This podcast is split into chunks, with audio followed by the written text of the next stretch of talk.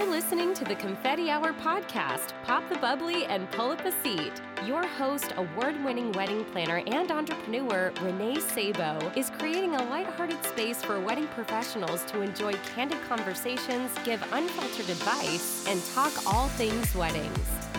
Before I kick off this episode, you guys, I am so thrilled to share my new education website is here. It has been a labor of love, and I am just so thrilled to share it with the world finally and with our amazing community. This new website is a home for my one on one mentoring services for planners, my speaking engagements, my educational blog, the Confetti Hour podcast, and last but certainly not least, because this is actually one of my favorite new things that I've included into my education services, it is my Confetti Hour shop. The shop has digital resources for wedding professionals and especially for my fellow wedding planners. I also have some awesome little products in the shop if you ever have any wedding pros you are looking to give gifts to, or you just want to spice up your desk and your life with some fun wedding planner themed products. In addition, you can also find in the shop many and many of the tools that I use to run my planning business and also my education business, including this podcast. I hope you will go check out the new website. It is reneesabo.com and connect with me over on Instagram at the confetti hour and let me know what you think. Welcome to this week's episode of the Confetti Hour podcast. I'm your host, Renee Sabo.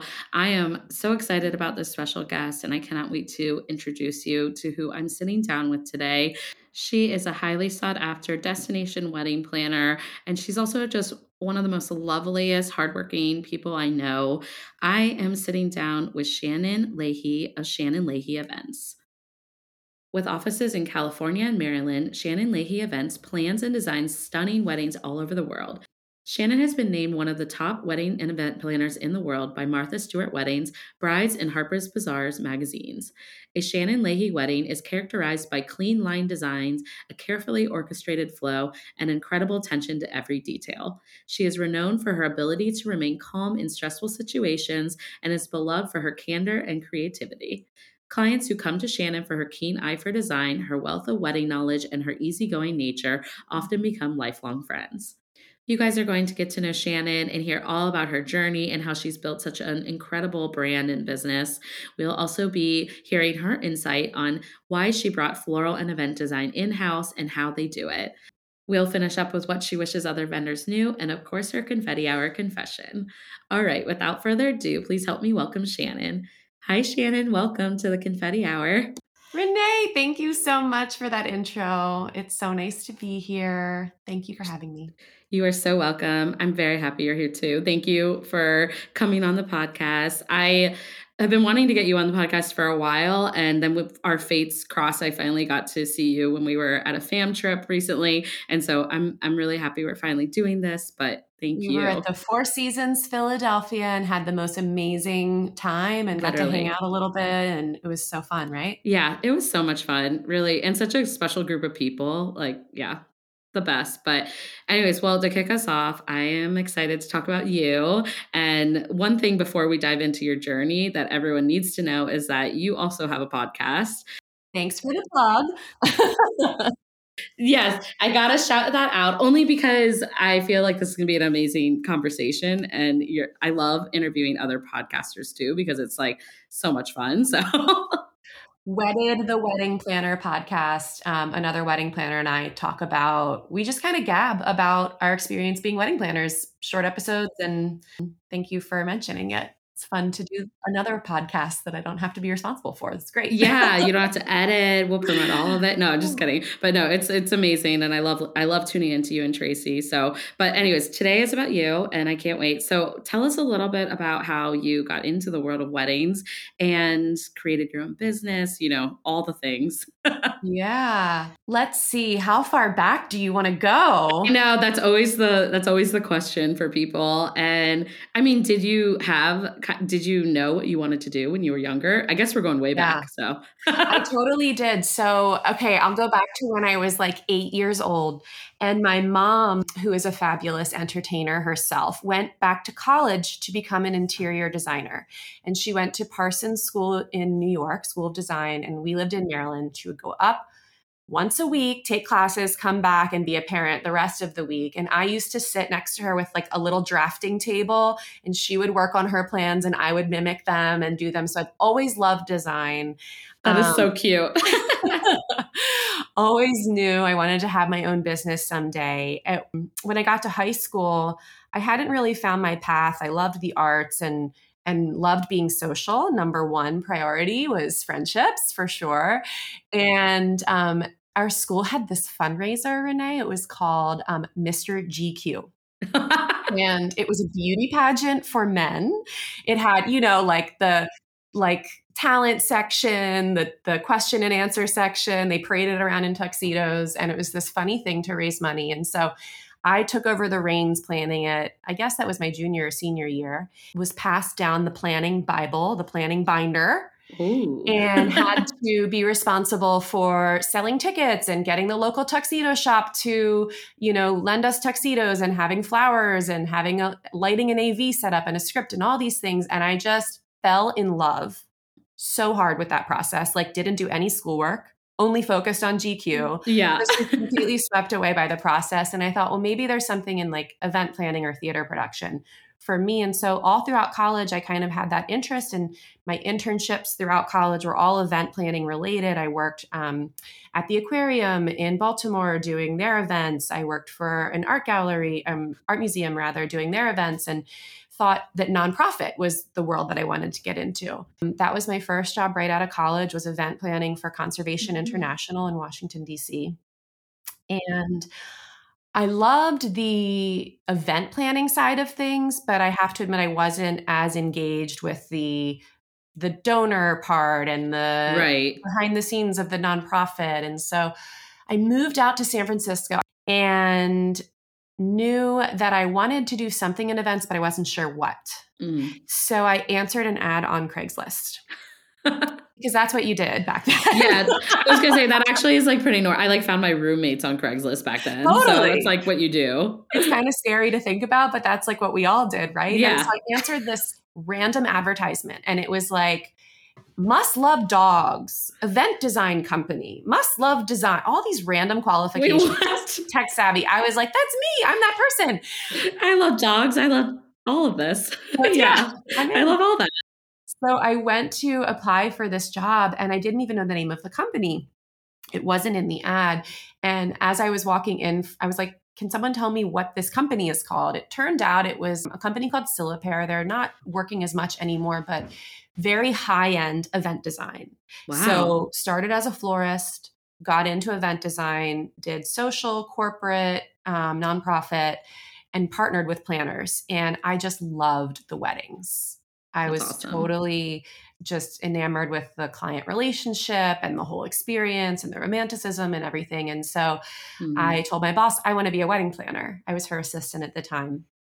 um, maybe a month or two later, a client walked in the door and they were, as sometimes people were, they didn't know the difference between an event designer and a planner. Yeah. So they assumed that she was the planner. She wasn't. She was the designer and she partnered with planners. Mm-hmm. So they walked in and they were like, We're having this really major wedding, destination wedding, big budget. You know, we want to hire you as the wedding planner. And my boss was like, Yep, absolutely. Sounds great. We will do that. And I'm like, What? What? You know, we will. they walked out. I was like, oh, we're not wedding planners. And she's like, well, you said you wanted to be a wedding planner. Oh so my goodness. Figure it out. And so I bought Mindy Weiss's book on how to plan a wedding. hey, that's that's amazing. Yeah. And obviously she had my boss had a ton of industry knowledge and had done this for many years, but I literally created all of our systems, our budgets, our planning timelines, you know, everything that we used with the help of Mindy Weiss's book. Thank you, Mindy. She's, I mean, that's a great and, right. person to learn from. So, and pulled off a wedding, and I was just totally hooked. I loved it. And it wasn't, um, I did a few more under her company, and then I wanted to start my own company, and kind of the rest is history from there.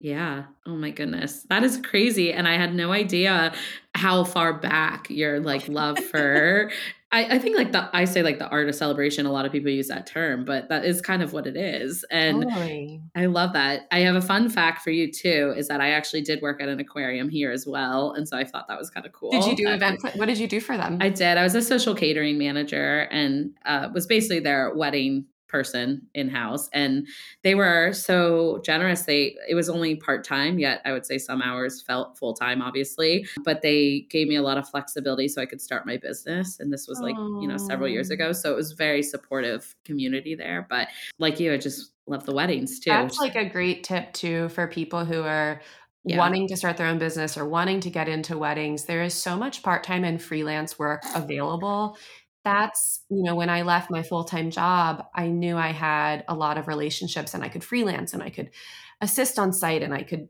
piece together a few part-time gigs. I worked for a florist doing their sales. I worked for a photographer helping her like curate photos for submissions to blogs and oh nice. just piece together something while you're while you're starting. That's the way to do it. Yeah definitely. There's a lot of like people that need small amount of help so absolutely think, and it was it was helpful in terms of growing a business because like i was learning so much from the operational standpoint totally. so i think everything you do obviously leans into being better for what you want to do but anyways enough about me your journey is so amazing because i can you're smiling through the whole story, which is what I love about it. Like, I know you are doing exactly what you are meant to do and love. How has it been growing your business over the years, though, once you started? Because now you have you've scaled quite a bit and you have a very impressive team. You guys, you know, operate on different coasts, right? And yep. you service destination. I mean, you've created such an amazing business and like what has that looked like for you over the years yeah no i've always really been i'm kind of an entrepreneurial spirit at heart and i've always been really interested and intrigued by growing and building something that's what i love to do and um, because of that, I get easily distracted and end up doing podcasts and online courses, which I used to do for wedding design, and you know have definitely dabbled in lots of fun businesses over the years because um, I just love it. It's an interest of mine. To me, business is kind of like a game. Like I love board games, I love puzzles, yeah. and there's no to me that life puzzle is like a really fun life puzzle is creating a business and figuring out the psychology of what's going to work and how to build it. And for years i feel like i've actually tried to crack wedding planning because it is such a business of solo entrepreneurs people working by themselves. It's a very challenging business to scale. And I love a challenge. If you tell me it can't be done, I am going to figure out a way to do it. and that goes for if you're putting your wedding on the side of a mountain or, you know, yeah. oh, yes. or whatever. um, so yeah, it's definitely been something like, how can I scale this? How can I make money doing this and, and still stay in the luxury sector? Um, yeah. It's definitely more scalable for partial month of type businesses, but that wasn't exactly what I wanted to do. So it's been really fun. And I think um, the hardest part for me in the beginning was really letting go and learning to trust the people that worked for me, that they knew what they were doing. And I was lucky enough to have some really incredible people working for me that, you know, did knock my socks off in a good way when I started letting them take the reins and right. you know, I realized that it was possible. So yeah, I think it's been obviously with many challenges, but a fun experience. Right. No, I think it's really impressive. And honestly, I think it's also really I, I, would assume rewarding to be providing you know livelihoods to other creatives that you support in your company and so i definitely i'm in, inspired by it too because i think I think it is a really hard job, especially given, you know, some of these clients that we're working with. Like you have to have such a high attention to detail. Oh and if it was just on your shoulders, like, you know, speaking from my own experience, like you go a little, it's a little intense. And so I think it's almost like insurance training your team and having a well oiled machine is like, yeah. you know, that you're delivering this client experience that, you know, is better than if it was just you doing it, right? I totally but, agree. And first of all, you're so right that kind of the joy of my life these days is we just did our um, company we do an annual review with all the employees and it's a chance for me to sit one-on-one with everybody and hear what their goals were and how they did and what they were proud of and you know multiple people cried in them because oh. they are so happy and love their job so much and like that is to be able to give these women i'd love to hire a man but right now it's all women yeah to give these women an opportunity to have a career in this something that they love doing so much to treat them well, to create an environment where they support each other. We have such good vibes within our office. Like there's never any drama. It's taken years to cultivate the right personalities and and really set an example with each other of how you should be treated. And that I'm I don't know, that is something I'm very, very excited about and proud of. I was going to say you should be very proud of that too. Yeah, for sure. And then the second thing is to your point in terms of scaling, finding someone to be a wedding planner is like the hardest set of qualifications. it's like you have to be like fancy enough to know what it's like to eat at a three Michelin star restaurant, but you also have to be totally cool with like mopping an overflow toilet, you know, in the restroom trailer. Okay. Yes. You have to be comfortable having conversations with billionaires. Also, don't mind picking up a dirty napkin after them at an event and being treated like the help. Also, you need to have great taste and style. Also, you have to be super detail oriented, but you have to be able to, you know, and it's just like a unicorn finding these people. I think all wedding planners are unicorns. I mean, I I love our entire industry and all vendors, but I just don't think people realize how much we do. And when you find the right unicorn, it's like it's a special person. And so to be able to find multiple people that are okay with that oh oh so impressive. Yeah. And it's funny too, because when you find that person, and I'm one of those people, it's like there's nothing else in the world I would rather do than this job. And I think that's how when you when when it is the right fit for you, a lot of people feel that way. And I even hear from my staff and other planners that it's like it's addicting because it is yeah. such an adrenaline rush to be making things happen in the 11th hour and staying cool under pressure and you know seeing it all come together and it, it really is a special person yeah, and you need people that like live for that. Like I always say that you have to, our, or you can't do it. Yeah, you can't do. It. I always tell my husband, it's my husband's in finance and in a totally corporate world, and I try to describe to him like what I do is a lifestyle. Like I don't know That's how right. to describe it any other way, and you have to just like love your lifestyle so much and pour all your heart into it and just stay focused and nurture that and you know and he he gets it now over all these years. He sees how hard you know has he ever work. come on site with you? Yeah it was horrendous. We'll never do that again. Yeah he he is he is one of the most intelligent people I know. I love, I love, love his brain, but that kid cannot do hard work like on site. Like, he couldn't even put together a cocktail table. It was shocking, honestly. Um, I mean, nowadays he probably could because he got so much crap for it. But oh my god! I mean, in the early days when I started my business, my hu- my now husband, then boyfriend, also quit his full time job to pursue a career in writing, and so we wow. were both freelancing a lot and figuring out piecing income together. And so he would end up coming on site and being help, like workforce for a lot of the projects. So he has a very special appreciation of yeah. That is so nice. I know I will say that he has seen you know seen a lot. He helps me behind the scenes. I mean he's definitely assembled things back in the day when i didn't have help and he's still helpful he's like that yeah. yeah. i would love for him to work for me someday but it would probably be really? more of like a yeah in more of like a business operational side not like a the creative side I can handle and our team can handle, but I think he would be amazing with like, you know, wow. anything finance, operational, team, like growing a team. He's such a good leader at his job. So it is cool though. That's I mean, awesome. back to you and your husband, you must really love each other if you grew your arts at the same time oh together. Oh my God. And we were living in like a 300 square foot studio apartment in San Francisco with a dog, working from home together. so you really, really have loved each other. That's and, how you, you know. know. The reality is, as, as much as I just adore that man, and he has been such a huge um, part of helping me grow my business from offering advice and providing such great perspective yeah. we have zero desire to work together. That's that's cool you know that too. So I don't know. I should ask my husband one day if he actually would want to work with me. I know you I would love. Yeah. At first I used to joke that that was like a never, but I don't I think over the years, the more and more it's the business has stabilized and established itself, I think it would be a very business like approach. So, but we would not share like an office, like no.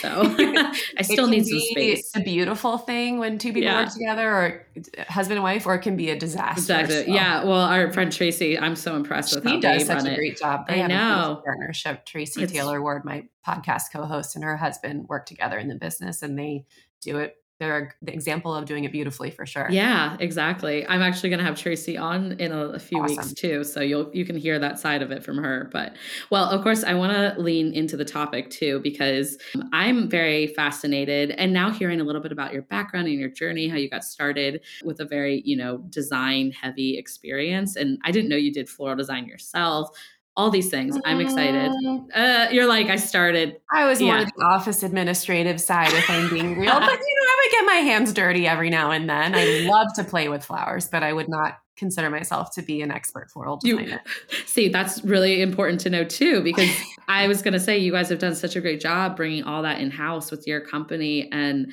I know a lot of planners, when they kind of get to this certain point, that is something that is very enticing because you know i can speak from my own experience of course like sometimes it's a lot i uh, my clients don't have time for me to be introducing them to you know every single person involved in their project and at the end of the day they still want to know it's cohesive. So i love that we're mm-hmm. going to talk about how you bring floral and event design in house and like why like why did you want to do that? And then also like how the heck have you been doing it?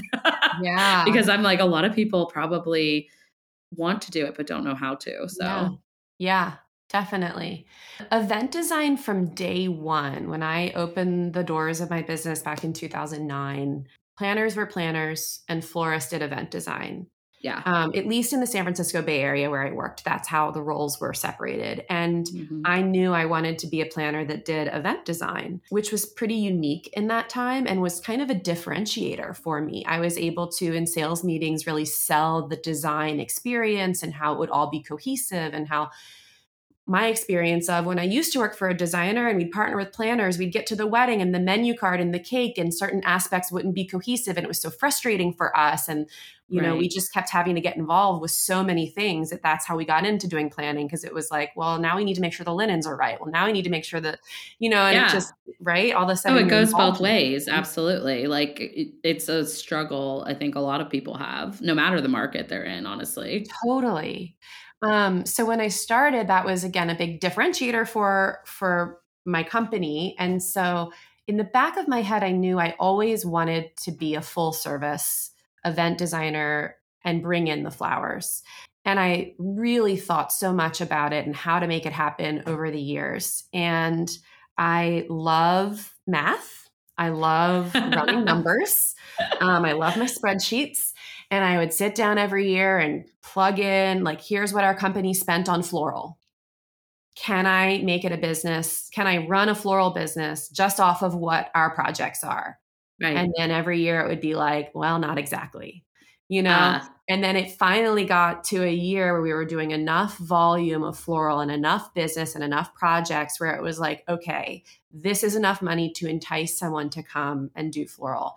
And so that's kind of the business side of that decision was um, obviously vertical integration is one of the best ways to grow your business. We're already selling this client on hiring us for planning and event design. Um, what else can we kind of bring into our services to make money on? That's the business side.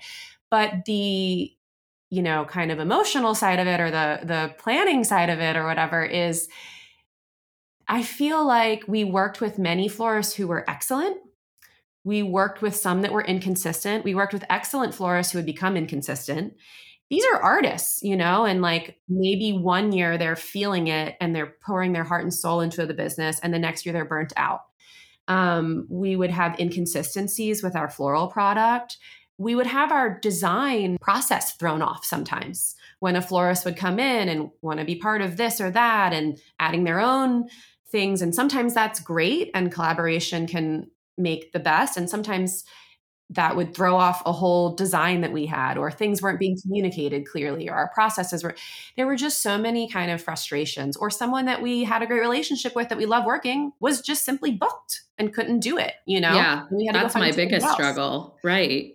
Totally. So you know that's kind of the struggles and so the way it happened initially was I, I, did talk to some of our existing floral partners and said, Would you consider bringing your business in house? And we had a lot of conversations and couldn't really find the right partner for that. We realized that it would be very hard to bring a super established, high producing company in to say you're only exclusively working on our projects now. And you know, another thing that's challenging is we do a wide variety of styles. So we knew we couldn't have someone that just did garden romantic. They had to also be able to do glam and classic and modern and that's a really hard person to find. And so it's funny, I had an intern, her name's Marianne. She started with me she was 19 or 20. I know she was too young to drink because we would be at tastings and she wasn't allowed to drink the alcohol. Um, I love that. but she was young. And so she interned for me for a while and, and she was a third generation florist. And then she and her sister ended up starting a floral business together. And she had done that for a few years. And when I had this thought of bringing this in house, we had partnered with her on a, a couple smaller jobs and they had done a really great job, her and her sister her sister was kind of second guessing whether she wanted to be a florist. You know, the life of a floral designer is hard. Right. Running a floral business, you know, until you get to a certain place in your business, it's a race to the bottom. Mm-hmm. You're dealing with, so you're, you know, you're writing these lengthy proposals that take you so much time to write. And then you're not getting the job. And there's so much work that goes into promoting the business and and the margins are you know slim when you consider all the mm-hmm. overhead especially when they're you know lower budget jobs. Right. So you you know it's expensive to pay freelancers and all of that. So i think they were just kind of feeling that pinch and we discussed would she want to come in and so we kind of made a strategy where the first year we would try a few projects okay. and see how it went. And she just nailed it. She was awesome. It's amazing. Um, so she gave up her business and came to work for me in 2019. Well, wow. 2020 hit. Oh no. I didn't realize was, it was that recent. Well, it's not recent. Yeah, so 2018 was yeah, our kind of, I think, trial year. 2019, she started coming into the fold more, and then yeah. 2020 hit, and we were like, "Oh, this was a fun time to start a floral business." Yeah. oh my gosh, I'm sorry. Only because I just know, like that. Of course, we that all would know how challenging that time was. Yes, we do. um, so you know, Marianne decided she was going to pursue real estate in 2020. And then I realized we're back to square one. And we approached another company um, run by a, an amazing woman named Victoria. And Victoria, similar situation as before, running her own floral business, excited by this opportunity, excited to work and be challenged by these jobs. Victoria is not afraid of a challenge. She is such a hard worker. She has a great eye. She's a wonderful manager. And she's really, so she came in in 2021, I guess it was, and really helped me build our program last year and, and this past year into 2023 and really get a lot of the foundation in place. And what's funny is that Marianne has come back. Oh, how nice. Which is awesome. So the two of them run it together um, which is fabulous. And so, that is. you know, it's been a lot of growing pains and needing to get a floral warehouse and needing to buy a van and all, all these, these things, things that you have to do and build an inventory of vases and stuff. But what's so cool is we've been able to pick our inventory of vases and candles and get really cool product. And we've been able to cultivate relationships with freelancers and growers. And it's been like, you know, starting a whole new business for sure. Um, so, yeah, I guess my recommendation would be I know there are some planners who are very talented with flowers as well and try to do it all themselves. And I do not recommend that. Um, it is, those are two separate businesses. Honestly, thank you for being so transparent and honest with the way that you guys have grown it and brought it in because that's exactly it's funny when I talk with other planners, it's like we would love to have that creative cohesiveness um, it's a lot of managing of vendors that we have to do in their businesses but then when you think about it, I'm like, it's so much work. And so just to hear you say it's another part, it's another business. It's not It's even just business. like a branch, it's a whole nother business. I think it's the honest truth. And so, but it's also amazing what you've been able to do. And it must be really rewarding too to see your events so cohesive and everyone kind of on the same page with it. It's so, cool because now we're able to bring Victoria and Marianne into those conversations that we have as a team in the early stages when we're brainstorming, when we're making mood boards, what's going to be Right. in season. We're able to talk through concepts together and, like I said, just like build our inventory and around what we know is coming down the pike in years. And it's, there's so many benefits that I didn't even see Right. With having it in house, which is really great. I think the clients really like it. They're like, oh, my florist is secured. I don't have to worry about that. It's all one team. That, like, you know, they appreciate It's a huge relief. Yeah. Totally. So, yeah. How, how has that looked for you in the back end as like a business owner with i'm assuming that must be really fun for accounting and like So all fun. that because like that's a whole nother beast right like we're a service planners are service 100%. based um not that we don't have you know our expenses but have you treated it like you said like a whole separate entity business or is it Yeah. all under one and you're dealing with accounting and Yeah. hopefully we you don't mind me started it under the Shannon Leahy Events umbrella. Um, and then realized that it would be smart to separate it out. So we have two different LLCs, one pays the other. Um, you know, one is a resale business with its own resale certificate and pays taxes that way. And we didn't want, you know, any of our like planning or service fees to come into question as possibly needing to be taxed or whatever, since it's a totally different thing. Um, so yes, we've gone through the very webby phase of untangling the two businesses last year and really setting them up separately. And I think I think it is smart. yeah hopefully i didn't bring a trauma up in the middle of our No, no, no. I have an amazing kidding. bookkeeper. Thank God. I would Thank- not be able to do that yes. Oh my gosh, we're so grateful for ours too. It's like crazy, but that's amazing though. And congrats on being able to build it, especially through a pandemic. And I'm sure you guys are just excited for all the future to come with it. Yeah, I mean, there's so many things that we've learned about it. Like when we very first started, we were renting studio space. And then we were running it out of our planning office, which is second floor up in the city. S- You know, in 2020, so many floral freelancers left the industry because there were no jobs. So they became real estate agents or whatever they did. They went and got different jobs.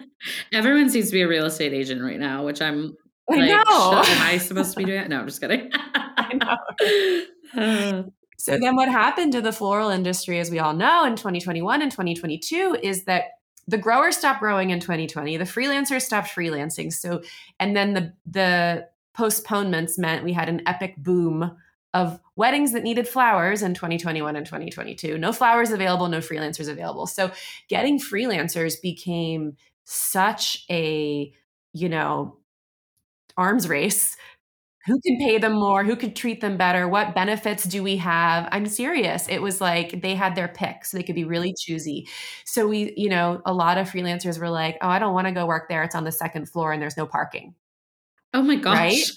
No i mean But that's what you had, So- yeah, had to take so into then account. we were like okay so we got a studio in oakland ground floor roll up door plenty of street parking and a lot like and then the freelancers like oh this is great you know Wow. so there's just things like that that we've learned That is, um, I'm sure, a fun journey.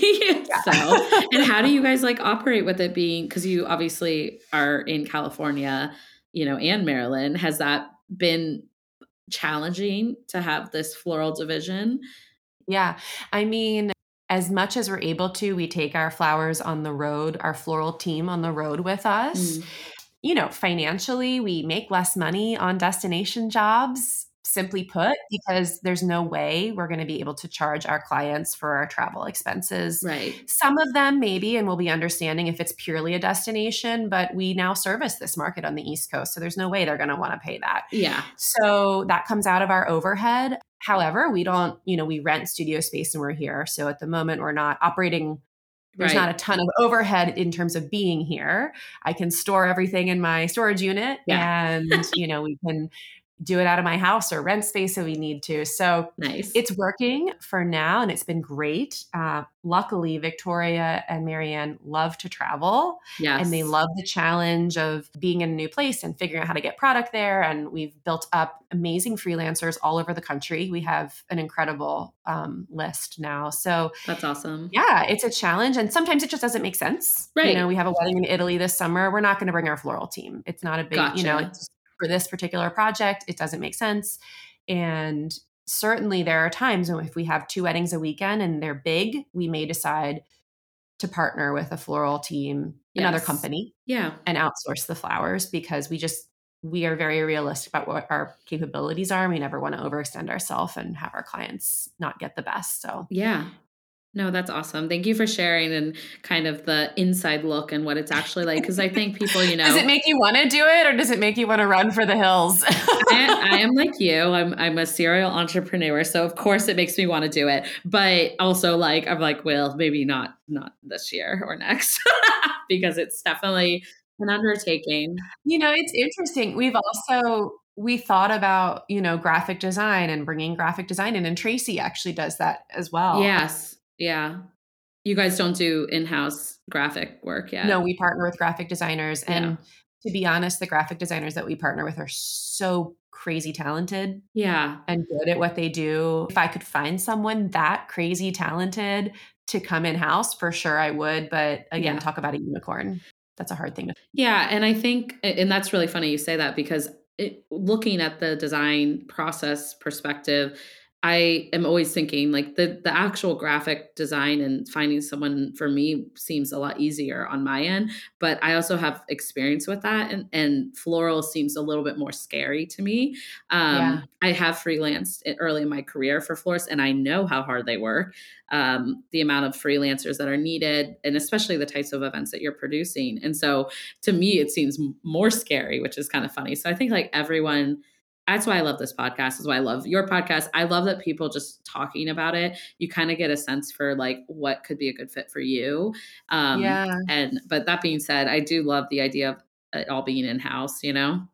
I think the other thing for graphic design is all of the clients that hire us prioritize the event design, and all of the florists we were partnering with were at a similar price point.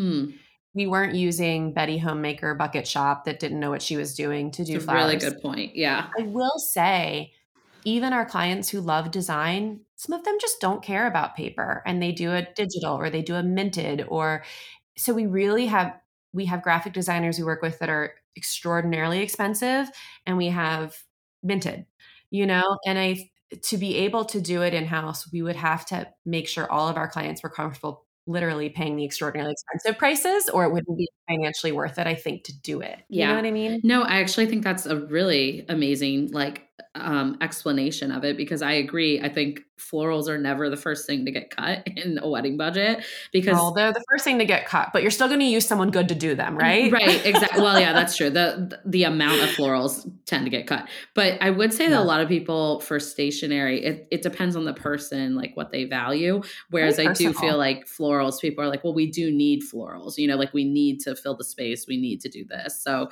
that's and really you know how it is. Even if it's like catering, it's like we're not gonna work with a food truck to do your wedding. That's not where our weddings are at. No. We're not going to work with Trader Joe's to do your flowers. That's not where our flowers are at. But if you want to do minted for your save the dates, great. Have you fun. Know? Yeah, exactly. Yeah, no, I think that's a great um, example though, because people may think, you know, like, oh, we can just bring Joe Schmo into the company and offer stationery. But then if you're, you have to think about the quality of the products that you want to put out. So that's mm-hmm. interesting. Thank you so much for sharing all this. I, of course, could talk to you forever about this exact topic and just you in general, but I am going to move us into the next part because I don't want it to be a 90 minute podcast. so, yeah. But I am wanted to ask you, of course, what do you wish other vendors knew? If there's anything over the years that you felt might help our industry you know basically i asked this question because i want people to work better together so. Yeah. You know i think that vendors who have a lot of experience and are used to working in luxury weddings understand this but i think that vendors starting out don't so this is going to be my piece of advice. When you're working with a planner your planner, the planner is always going to have the client's best interest at the heart of the matter. And while they may seem like they're being difficult or stubborn or unrealistic or whatever the complaints are, it's coming from them serving their clients and understanding their clients' priorities and needs and doing what's best for their clients. And the more you can partner with them, the better. I feel like when people are starting out, whether you're a DJ or a photographer or whatever, you have your system, you have your formula, formula, you're used to working with the bride directly. And anyone that interrupts that is like a pain in your side or whatever, a thorn in your side.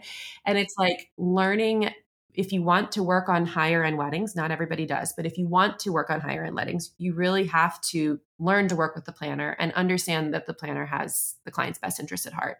That's kind of my advice. I actually think that is perfect advice. And it's something that I thought would get better over the years, but it is still a struggle. And I think it's because our industry has just boomed so much that there's new people coming into the space people growing markets and all that so i actually think it's a good reminder like you you always see on all these forums planners are like my clients hired us so that you didn't reach out to them. And it's not to be callous or to be rude, but it's to streamline that experience for them and really, you know, not overwhelm them because likely if they're working with a planner, a the project might be too large for them to wrap their head around, but also they're busy people.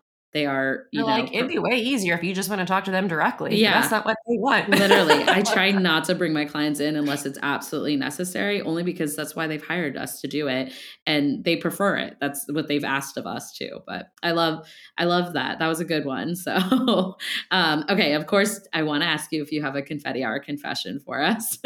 I don't know how juicy this is. Um, you know, something funny about me that people might not know is when I lived in San Francisco, which is where our business is based, I would often roll up to client meetings or industry events um, on a Vespa with a what? helmet on.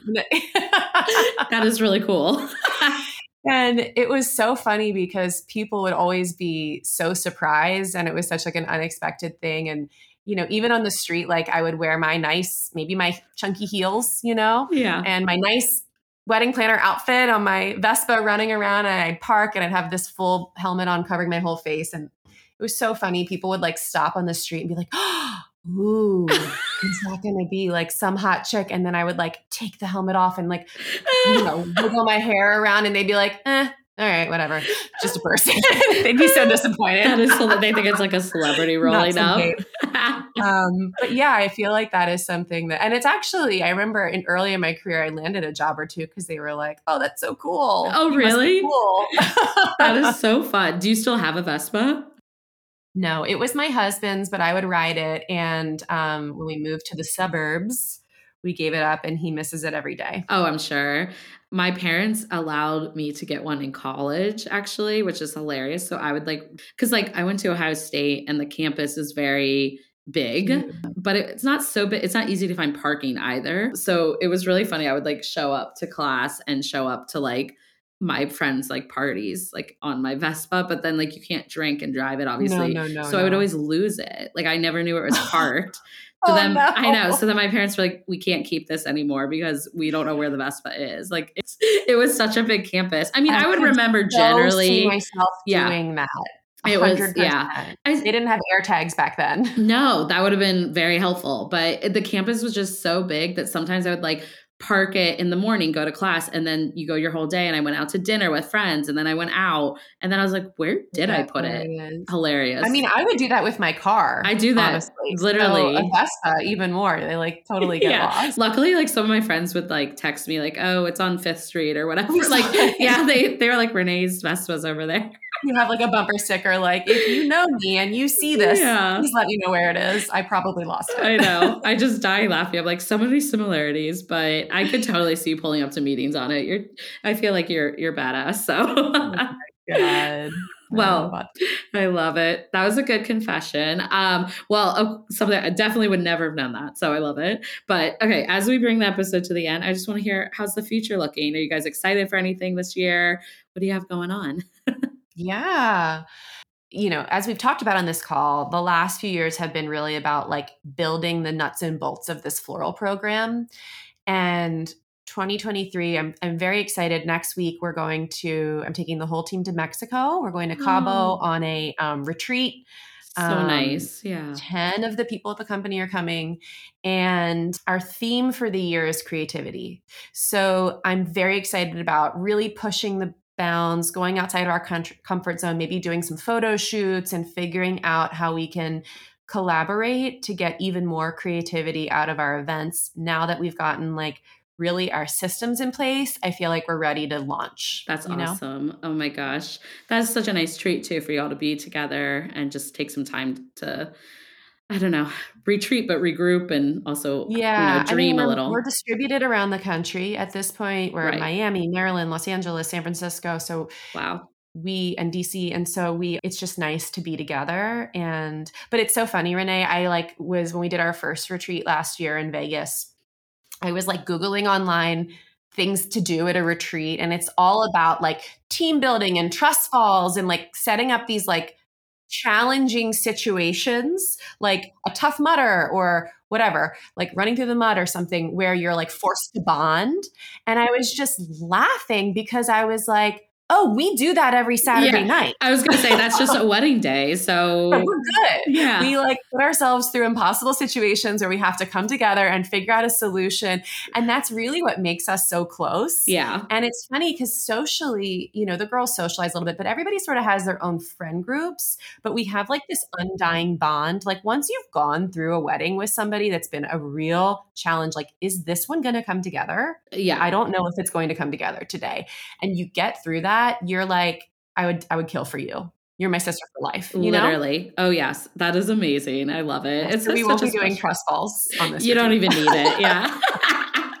That's hilarious. Yeah, if anything, you guys need a break from the exactly. challenging scenarios. exactly. oh, I love it. Well, I really can't thank you enough for being on. It's been so fun chatting with you. And where where can everyone find you and also the podcast just so that people can tune in and hear all the great wisdom you share? ShannonLeahy.com is our website. We're also on Instagram, Shannon Leahy Events. I have been very excited about growing our TikTok, and I've been doing a lot of videos on TikTok showing my face and everything. Look at you. So, Shannon Leahy Events, you can find us there, and Wedded the Wedding Planner podcast. Um, please check out.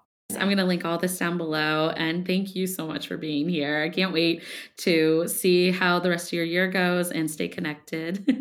you too. And that concludes this week's episode of the Confetti Hour podcast. Thank you guys so much for tuning in. I hope you absolutely loved our guests, and I can't wait to hear your feedback over on social media. Before we go, I just want to remind you to please subscribe and stay tuned for future episodes. And if you are a longtime listener of the show, I kindly ask you to take a few moments and leave a review over on Apple Podcasts. Do you know a fellow wedding pro who might love our podcast? Screenshot this episode, tag a friend, and tag us over on Instagram at the Confetti Hour or the Confetti Hour podcast on Facebook. That's it for this week, and I look forward to talking with you soon. Bye, Confetti Hour Squad.